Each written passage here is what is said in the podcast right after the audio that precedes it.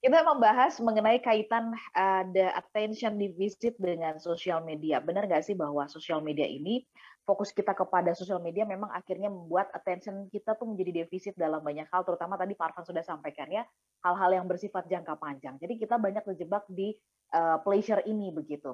Nah, Pak Arfan kalau uh, kan tadi salah satu contoh itu cuman cuman kayak um, ya yang terlihat, yang nggak terlihat kan lebih banyak ya Pak, yang ya. kasus kecelakaan itu gitu.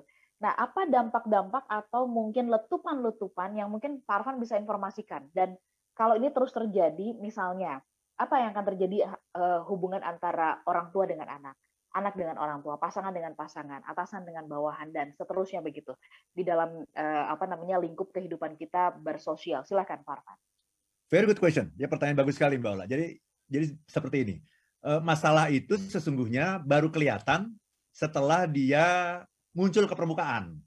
Okay. Baru kemudian saya mengatakan iya ya, saya punya masalah sama anak saya nih kok saya selama ini nggak memberikan attention ya? Karena selama ini saya tidak melihat ada masalah. Karena selama ini saya melihat baik-baik saja. Padahal sebetulnya segala sesuatu itu dimulai dari api kecil, gitu ya. Api besar berawal dari api kecil, gitu. Jadi yang sering kali kita lihat itu adalah ketika dia sudah menjadi api besar. Oh ternyata saya punya masalah ya dengan customer saya ya, customer paling penting lagi. Oh ternyata saya punya masalah ya dengan istri saya ya, misal gitu ya. Jadi kita melihat itu ketika dia sudah menjadi api besar. Padahal sebetulnya semua masalah itu diawali dari api kecil. Nah, pertanyaannya kenapa api kecil itu sering kali kita tidak lihat? Karena kita tidak memberikan attention kepada sesuatu itu. Kita baru memberikan attention ketika dia sudah menjadi masalah besar.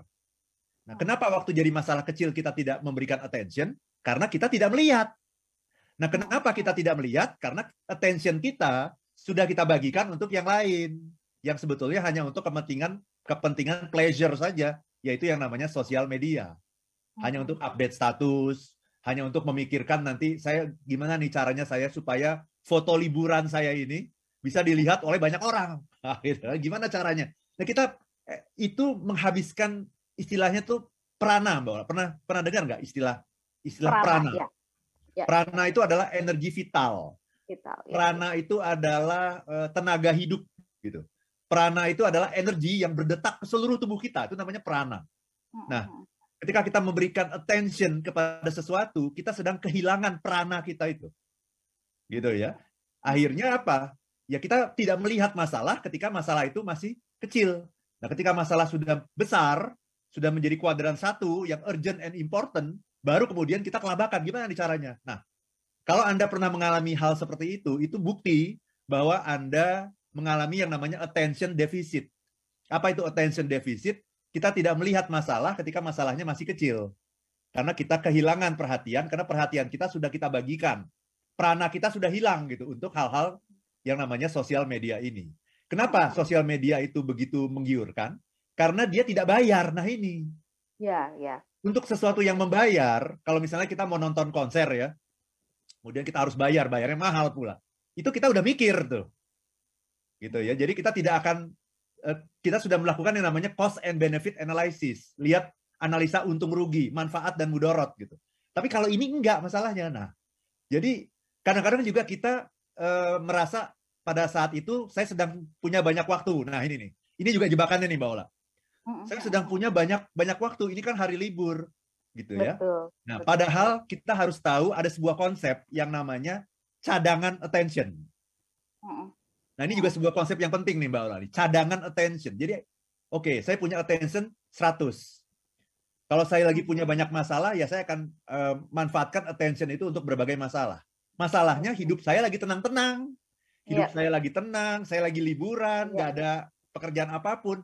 Nggak apa-apa dong. Nah, ini kan nggak apa-apa dong saya lihat sosmed, memanfaatkan waktu dua jam tiga jam untuk melihat sosmed. Nggak apa-apa dong. Nah, kita lupa bahwa sesungguhnya dalam hidup itu kita harus mencadangkan energi gitu. Jadi itu namanya cadangan attention. Apa itu cadangan attention? Cadangan attention adalah attention yang kita miliki yang pada saat itu tidak perlu kita gunakan. Nah, kalau kita tidak perlu gunakan, jangan dihabiskan gitu. Kita harus jaga, kita harus simpen. Karena nanti ketika kita mengalami masalah yang besar, kita masih tetap segar gitu. kenapa kita masih tetap segar bugar untuk menghadapi masalah itu? Karena kita masih punya cadangan attention yang cukup untuk menghadapi masalah itu. Cadangan kesabaran yang cukup gitu ya untuk menghadapi masalah itu gitu, Bang. Jadi hati-hati nih kalau anda mengatakan saya kan sedang tidak punya masalah apa pun, nggak apa-apa dong gitu ya. Nah, itu Anda menghabiskan cadangan Anda. Cadangan itu diperlukan nanti di masa sulit, di masa krisis. Perlu cadangan, kayak kayak tabungan juga sebetulnya. Kayak punya gaji besar, kemudian e, dibelanjakan habis, akhirnya ketika waktu susah kita tidak punya tabungan. Nah ini attention itu juga bisa dalam bentuk tabungan, Mbak Ola. Jadi jangan pernah menghabiskan attention dengan hanya melihat sosmed, lihat IG, yang nggak jelas dan sebagainya, tapi dilihat terus gitu. Itu Mbak Ola. Oke, okay. baik. Uh, Pak Arfan, uh, kita uh, undang juga smart listener ya untuk bisa bertanya ya melalui uh, YouTube kami atau juga melalui WhatsApp ya. Ini satu pertanyaan coba kita akan kulik dari uh, YouTube ada Adi Wisnu Nugraha. Kalau gitu um, kita tahu bahwa sosial media ini itu kan berdampak ada dampaknya gitu ya.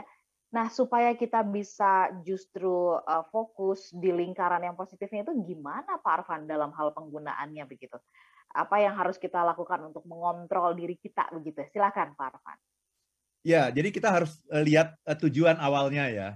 Tujuan awal dari sosial media menggunakan sosial media itu kan pertama untuk menghibur diri lah gitu ya. Bolehlah sedikit lah menghibur diri, kemudian silaturahmi sama teman, networking bolehlah sedikit silaturahmi sama sama teman. Cukup itu saja gitu. Nah, sering kali kita uh, kemudian uh, eksesif ya, penggunaan yang eksesif. Kemudian akhirnya menggunakan untuk karena memang udah nggak ada yang mau ditonton lagi. Kalau zaman dulu orang nonton TV. Jadi itu uh, apa dari satu channel ke channel yang lain. Itu remote control kita itu kalau boleh teriak tuh dia akan teriak. Ampun katanya gitu ya. Kenapa? Ini bolak-balik cetak cetak cetak cetak karena kita bolak-balik nggak jelas apa yang ditonton gitu. Nah, sekarang orang sudah berpindah ke ke sosial media gitu, lihat uh, Instagram bolak-balik lihat Instagram, lihat Facebook, nggak jelas apa yang dilihat, nggak jelas apa yang dicari, semata-mata karena punya persediaan attention yang banyak gitu. Dan kita tidak berpikir bahwa kita harus mencadangkan attention kita ini untuk masalah-masalah yang jauh lebih penting sesungguhnya gitu, Mbak Nah, beda halnya kalau kalau kita ingin memanfaatkan sosial media untuk kepentingan bisnis. Nah, itu beda. beda Dan itu ya. mestinya ada divisi yang menangani itu gitu. Jadi bukan bukan personal yang menangani itu, ada sebuah divisi yang menangani itu dengan indikator-indikator dan parameter-parameter yang jelas mengenai uh, kampanye atau campaign atau uh, marketing itu ada indikator dan uh, apa petunjuk-petunjuk kinerja yang jelas gitu. Ya, Jadi ya. jangan kemudian itu dicampur adukan dengan kehidupan pribadi kita. Nah ini menjadi menjadi uh, salah arah kalau seperti itu, Mbak Iya. Nah, bagaimana dengan uh, tadi kan Pak Arfan sempat uh, mengatakan gitu ya bahwa uh, orang merasa sangat sekarang tuh bebas banget ya dengan dengan uh, sosial media. Ya kalau nggak suka dia bisa tulis gitu kan, uh, bisa sindir, bisa apa segala macam yeah. begitu. Nah, Pak Arfan apa tanggapan Bapak ya terhadap case-case uh, yang seperti ini? Ya, yang artinya um, mungkin karena nggak bisa melontarkan atau menumpahkan gitu kan, kemarahannya terhadap pihak tertentu ya. gitu. Atau misalkan kepada atasannya deh gitu ya. Kalau nanti ya. ngomong langsung kan bisa dipecat nih. SP1 gitu SP2 gitu. Tulis di sosial media. Nah uh, menurut bapak ini sah-sah saja karena ini sebuah uh, apa namanya uh, iya jalan keluar gitu ya. Mengeluarkan gitu kan unek-unek. Atau ini sebenarnya juga kurang bijak kurang tepat begitu seperti apa tanggapan Pak Arfan? Ya, uh, saya kali melihat gitu, apalagi kalau di WA group ya, banyak sekali loh orang yang meluangkan begitu banyak waktu di WA group untuk berantem, Mbak Ola. saya bilang, Sempet ya, Pak? Gitu. Apa? Sempet gitu ya? Sempet dia. Kok kayaknya punya banyak waktu. ya Meluangkan waktu di WA group untuk berantem, untuk mengcounter gitu. Mengcounter uh, pendapat seseorang gitu. Terus bolak-balik panjang gitu beritanya. Dan uh, dia pikir mungkin ada banyak orang yang membaca ya. Atau memang mungkin banyak juga orang yang membaca komentar itu gitu ya. Kalau saya kasihan sekali gitu ketika berantem di WA group. Saya juga pernah berantem di WA group gitu ya. Kemudian uh, saya menyesali itu sebagai sebuah kebodohan gitu. Ngapain sih gitu? Berantem di WA group padahal WA group itu dibuat untuk silaturahmi kan sebetulnya gitu. Jadi kita mempertahankan satu pendapat dan sebagainya kemudian di counter lagi di bolak-balik bolak-balik berhari-hari gitu. Nggak habis-habis. Akhirnya cari cari teman gitu kan ada pengikut si A, pengikut si B. Dan itu sudah menghabiskan waktu begitu banyak. Yang bacanya aja tuh udah capek gitu. Apalagi dia yang nulis gitu. Ini orangnya Betul. apa nggak kerja gitu ya. Gitu. Jadi saya tuh suka mikir ini kerjanya apa gitu loh. Ya. ya, ya, ya. Jadi oh, uh, gitu ya.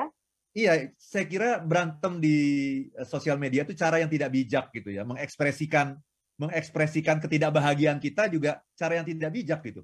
Kalau Anda punya masalah sama atasan Anda ya ngomong aja. Gitu ya. Kalau ngomong nggak nggak bisa dimengerti ya, kalau Anda nggak suka di kantor itu ya resign saja. Kalau saya sih gampang-gampang aja gitu. Daripada ini menulis di sosmed, akhirnya atasannya juga baca loh, jangan salah loh. Dia nulis di sosmed, atasannya baca. Kemudian eh, rasanya itu Mbak, kalau disindir lewat sosmed itu lebih sakit loh. disindir lewat sosmed itu lebih sakit daripada si bawahan ini ketemu langsung sama sama atasan dan ngomong gitu. Disindir lewat sosmed dengan bahasa-bahasa yang yang samar-samar, tapi itu sangat menusuk sebenarnya. Dan itu akan memperburuk hubungan Anda dengan atasan Anda. Mungkin atasan nggak bisa manggil sih, nggak, nggak bisa manggil kemudian kamu saya pecat, ya. mungkin nggak bisa begitu. Tapi hubungan sudah semakin jauh karena Anda nyindir-nyindir di sosmed gitu. Bikin oh. status di Facebook atau di Twitter gitu. Gitu, Mbak ya. Baik. Hati-hati ini, dengan ini. Hati-hati dengan hal itu ya. Oke, kita sambung nanti untuk uh, satu sesi yang terakhir begitu Siap, ya, supaya uh, sosial media ini uh, pada akhirnya kita harus tahu bahwa sosial media adalah tools, alat gitu ya. Sama seperti peralatan-peralatan elektronik barangkali di rumah yang kita punya gelas, ya. piring, pisau dan sebagainya begitu ya yang uh, tentu mereka punya banyak keunggulan tapi di sisi yang lain kalau tidak pada tempatnya juga bisa merugikan. Kita bahas nanti lebih lanjut. Tetap dalam Smart Happiness untuk satu sesi yang terakhir. Saya mau ke Depok karena ada Ibu Tristia yang bergabung bersama dengan kami masuk melalui WhatsApp ya uh, curhatnya atau sharingnya Pak Arfa. Uh, ini ada ada misi uh, saya punya anak ya uh, masih kelas 6 SD Pak Arfan. Terus kemudian beberapa waktu yang lalu terbukti menggunakan atau mengambil uang dari dompet saya katanya begitu ya ketika ditanya dan dikulik ternyata ini karena memang mau dipakai untuk uh, membayar atau top up game katanya seperti itu. Nah kemudian uh, saya memberikan hukuman, handphone tidak lagi boleh dipakai, jadi sekolahnya menggunakan handphone saya begitu. Ada perbedaan Farvan sekarang tidak memegang handphone, jauh lebih bisa diajak bicara karena attentionnya lebih full terhadap uh, perbincangan saya dengan dia katanya seperti itu. Berarti apakah kemudian kalau untuk bersenang-senang lebih baik tidak diberikan atau bagaimana ya menurut Pak Dari Ibu Listia, silakan. Baik, nah ini uh, Bu Listia ini saya kira saya juga pernah mengalami nih sama anak saya nih, ya anak ketiga saya itu, ya karena kecanduan games dan sebagainya, akhirnya um, ketika diajak bicara gitu, diajak ngomong saja dia sudah merasa terganggu gitu. Apa sih gitu? Jadi hmm. dipanggil namanya saja dia sudah apa sih gitu. Iya ya. betul. Nadanya begitu ya, kurang lebih hampir sama ya Pak ya. Iya, nadanya udah meninggi gitu. Apa sih? Jadi iya. sebenarnya dari kata apa sih itu, dari intonasinya itu dia merasa sangat terganggu gitu karena sangat sangat uh, apa asik sekali dengan gamesnya ini. Jadi memang uh, setiap anak itu punya yang namanya maturity, Mbak Ola. Uh, kematangan. Ya. Hmm, hmm. Penggunaan sosial media atau handphone gitu, smartphone itu juga membutuhkan kematangan gitu. Ketika kita belum punya kematangan, sebaiknya jangan diberikan smartphone. Nah, anak saya ini sudah mungkin enam bulan lebih ini nggak nggak pakai smartphone. Ya, anak ketiga saya ini ya udah enam bulan lebih nggak pakai smartphone. Dan alhamdulillah sekarang udah udah bisa diajak ngobrol. Udah bisa diajak ngomong sekarang. Kalau kalau sebelumnya baru dipanggil namanya saja gitu apa sih gitu? Jawabannya begitu. Apa sih? Gitu kayaknya papa ganggu ganggu aku banget sih gitu. Nah sekarang sudah mulai bisa diajak ngobrol. Kenapa? Karena kita sudah ambil handphonenya kecuali untuk kepentingan belajar gitu. Hanya untuk sekolah karena sekolahnya kan masih online ya. Online, hanya untuk kepentingan iya. sekolah. Tapi setelah itu kita ambil. Apa boleh buat gitu? Itu itu adalah sebuah pendidikan menurut saya, sebuah edukasi gitu karena dia memang belum mature dalam menggunakannya. Gitu. Hmm. Tapi jangan salah, sesungguhnya bukan hanya anak kecil yang tidak mature ya, ya. tetapi uh, orang dewasa juga sering kali tidak mature gitu. Apa ciri ya. orang yang tidak mature? Ciri orang yang tidak mature adalah ketika kita tidak bisa mengendalikan keinginan. Hmm, itu Atau ciri ke... yang udah jelek banget itu Pak iya. ya ketika tidak bisa mengendalikan Berarti sebenarnya banyak orang-orang uh, bertubuh dewasa terjebak da eh uh, anak-anak kecil ya mental ke, uh, anak kecil gitu, mentalnya ya, anak kecil ya dalam, ya terjebak dalam tubuh orang dewasa gitu ya betul betul iya. betul dan ketika itu kita uh, menjadi kehilangan satu hal lagi yang sangat penting bagi diri kita yaitu yang namanya choice mbak Ola Mhm, ketika kita menggunakan sosial media, kita kehilangan choice. Apa itu? Kehilangan pilihan. Seolah-olah itu kita tidak punya pilihan lain selain kepoin orang, ngelihat statusnya orang, ngelihat lagi nanti ketika kita kepo satu status, nanti dia akan bersambung ke status berikutnya. Ya, ketika kita melihat likes-nya, oh ternyata di likes likes orang itu ada si X yang kita juga kepingin tahu juga mengenai dia gitu. Kita akhirnya akhirnya jadi dari satu orang ke orang yang lain ke orang yang lain lagi gitu. Seolah-olah kita kehilangan yang namanya pilihan. Apa itu pilihan? Bahwa kita bisa memilih untuk meninggalkan ini dan memulai pekerjaan atau aktivitas yang jauh lebih bermanfaat juga secara jangka panjang. Seolah-olah kita tidak punya pilihan itu tuh tidak ada seolah-olah pilihannya hanya satu terus kepoin orang ini gitu atau kepoin status ini gitu. Itu Mbak Ola. Jadi selain tadi attention hilang itu satu, yang kedua choice juga hilang. Itu juga bahaya sekali itu Mbak Ola. Ketika orang kehilangan choice gitu. Iya. Pak Arfan, karena Pak Arfan uh, bicara tentang choice, sebenarnya kan um, sama seperti makanan ya, sering kali dituding uh, membawa penyakit bagi diri kita gitu. Tapi makanan itu tidak akan uh, jadi penyakit uh, sepanjang itu tangan kita tidak memasukkan ke mulut, mulut kita oh. tidak mengunyah, begitu kan? Iya. kita menelan. Uh, dan yang paling fundamental, kalau otak kita nggak memerintahkan, ya kita kan nggak nggak akan melakukan gitu ya.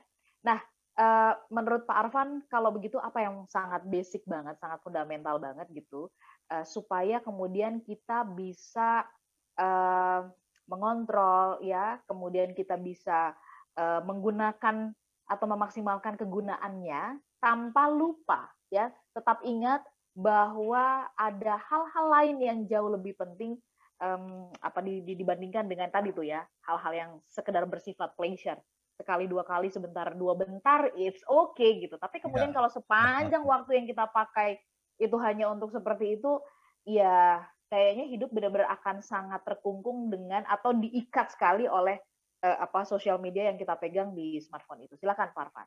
Ya ini diikat tapi merasa senang gitu. Itu anehnya ya. begitu. Itu namanya fata morgana. Itu namanya pseudo happiness pseudo ya happiness tapi pal palsu sebetulnya. Palsu, ya, ya. Dan sebetulnya kan kalau kita bicara sosial media, sosial media itu kan sesungguhnya adalah tools. Betul tadi kata Mbak Ola. Sosial media itu tools, tools itu seperti pisau. Pisau itu bagus, sebetulnya intinya dia bagus. Gitu. Kitalah yang membuat dia menjadi tidak bagus. Kan kalau pisau buat motong kue kan bagus. Pisau buat motong daging kan bagus. Tapi pisau buat nusuk orang, nah itu kan nggak bagus. Nah, tapi kita sering kali menyalahkan pisaunya yang disalahkan gitu. Dalam hal ini kita bicara sosial media, sering kali sosial medianya yang disalahkan. Padahal sosial media itu kan adalah sebuah tools. Manfaatkan itu dengan baik. Itu bisa buat bisnis, iya kan? Bisa buat marketing, bisa buat jualan, silakan. Nah, tetapi ketika masuk ke dalam area kehidupan kita, kita harus pisahkan. Ini bisnis, ini kehidupan gitu. Kehidupan kita itu ya. berbeda dengan bisnis. Nah, itu kita harus tahu ya manfaatnya apa? Manfaatnya adalah ya mungkin silaturahmi dan networking gitu ya membangun hubungan dengan teman-teman. Yang kedua adalah juga sedikit menghibur lah sedikit tapi. Nah ini orang yang tidak dewasa kemudian menyalahkan. Sosial media itu yang bikin saya begini padahal yang milih sebetulnya dia sendiri gitu ya, ya. jadi okay. uh, yang harus kita lakukan sesungguhnya apa? Kita harus menjaga panca indera nih mbak ya. Jadi prana-prana itu ya kalau saya bicara prana tadi energi yang ada dalam diri kita itu itu keluarnya melalui panca indera melalui lobang-lobang yang ada dalam diri kita. Nah, lobang yang ada di kepala kita saja ada tujuh, Mbak Ala. Ya. Oke. Okay. Dua di mata ini dua nih yang yang sering kali kepo-kepo itu kan mata nih sebetulnya ya. Kemudian juga ini juga ada dua gitu ya. ya. Telinga, kemudian hidung ada dua nih hidung. Iya, oh, ini juga lobang-lobang yang yang juga bisa ya. mengeluarkan prana ini, energi kita keluar. Juga satu lagi mulut. Jadi ada tujuh ini. Gitu. Okay. Di bagian tubuh yang lain lagi nanti ada lagi gitu. Ada ya, lagi, tapi ya?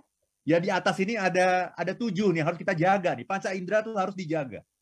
Sehingga kita hanya memikirkan apa yang penting.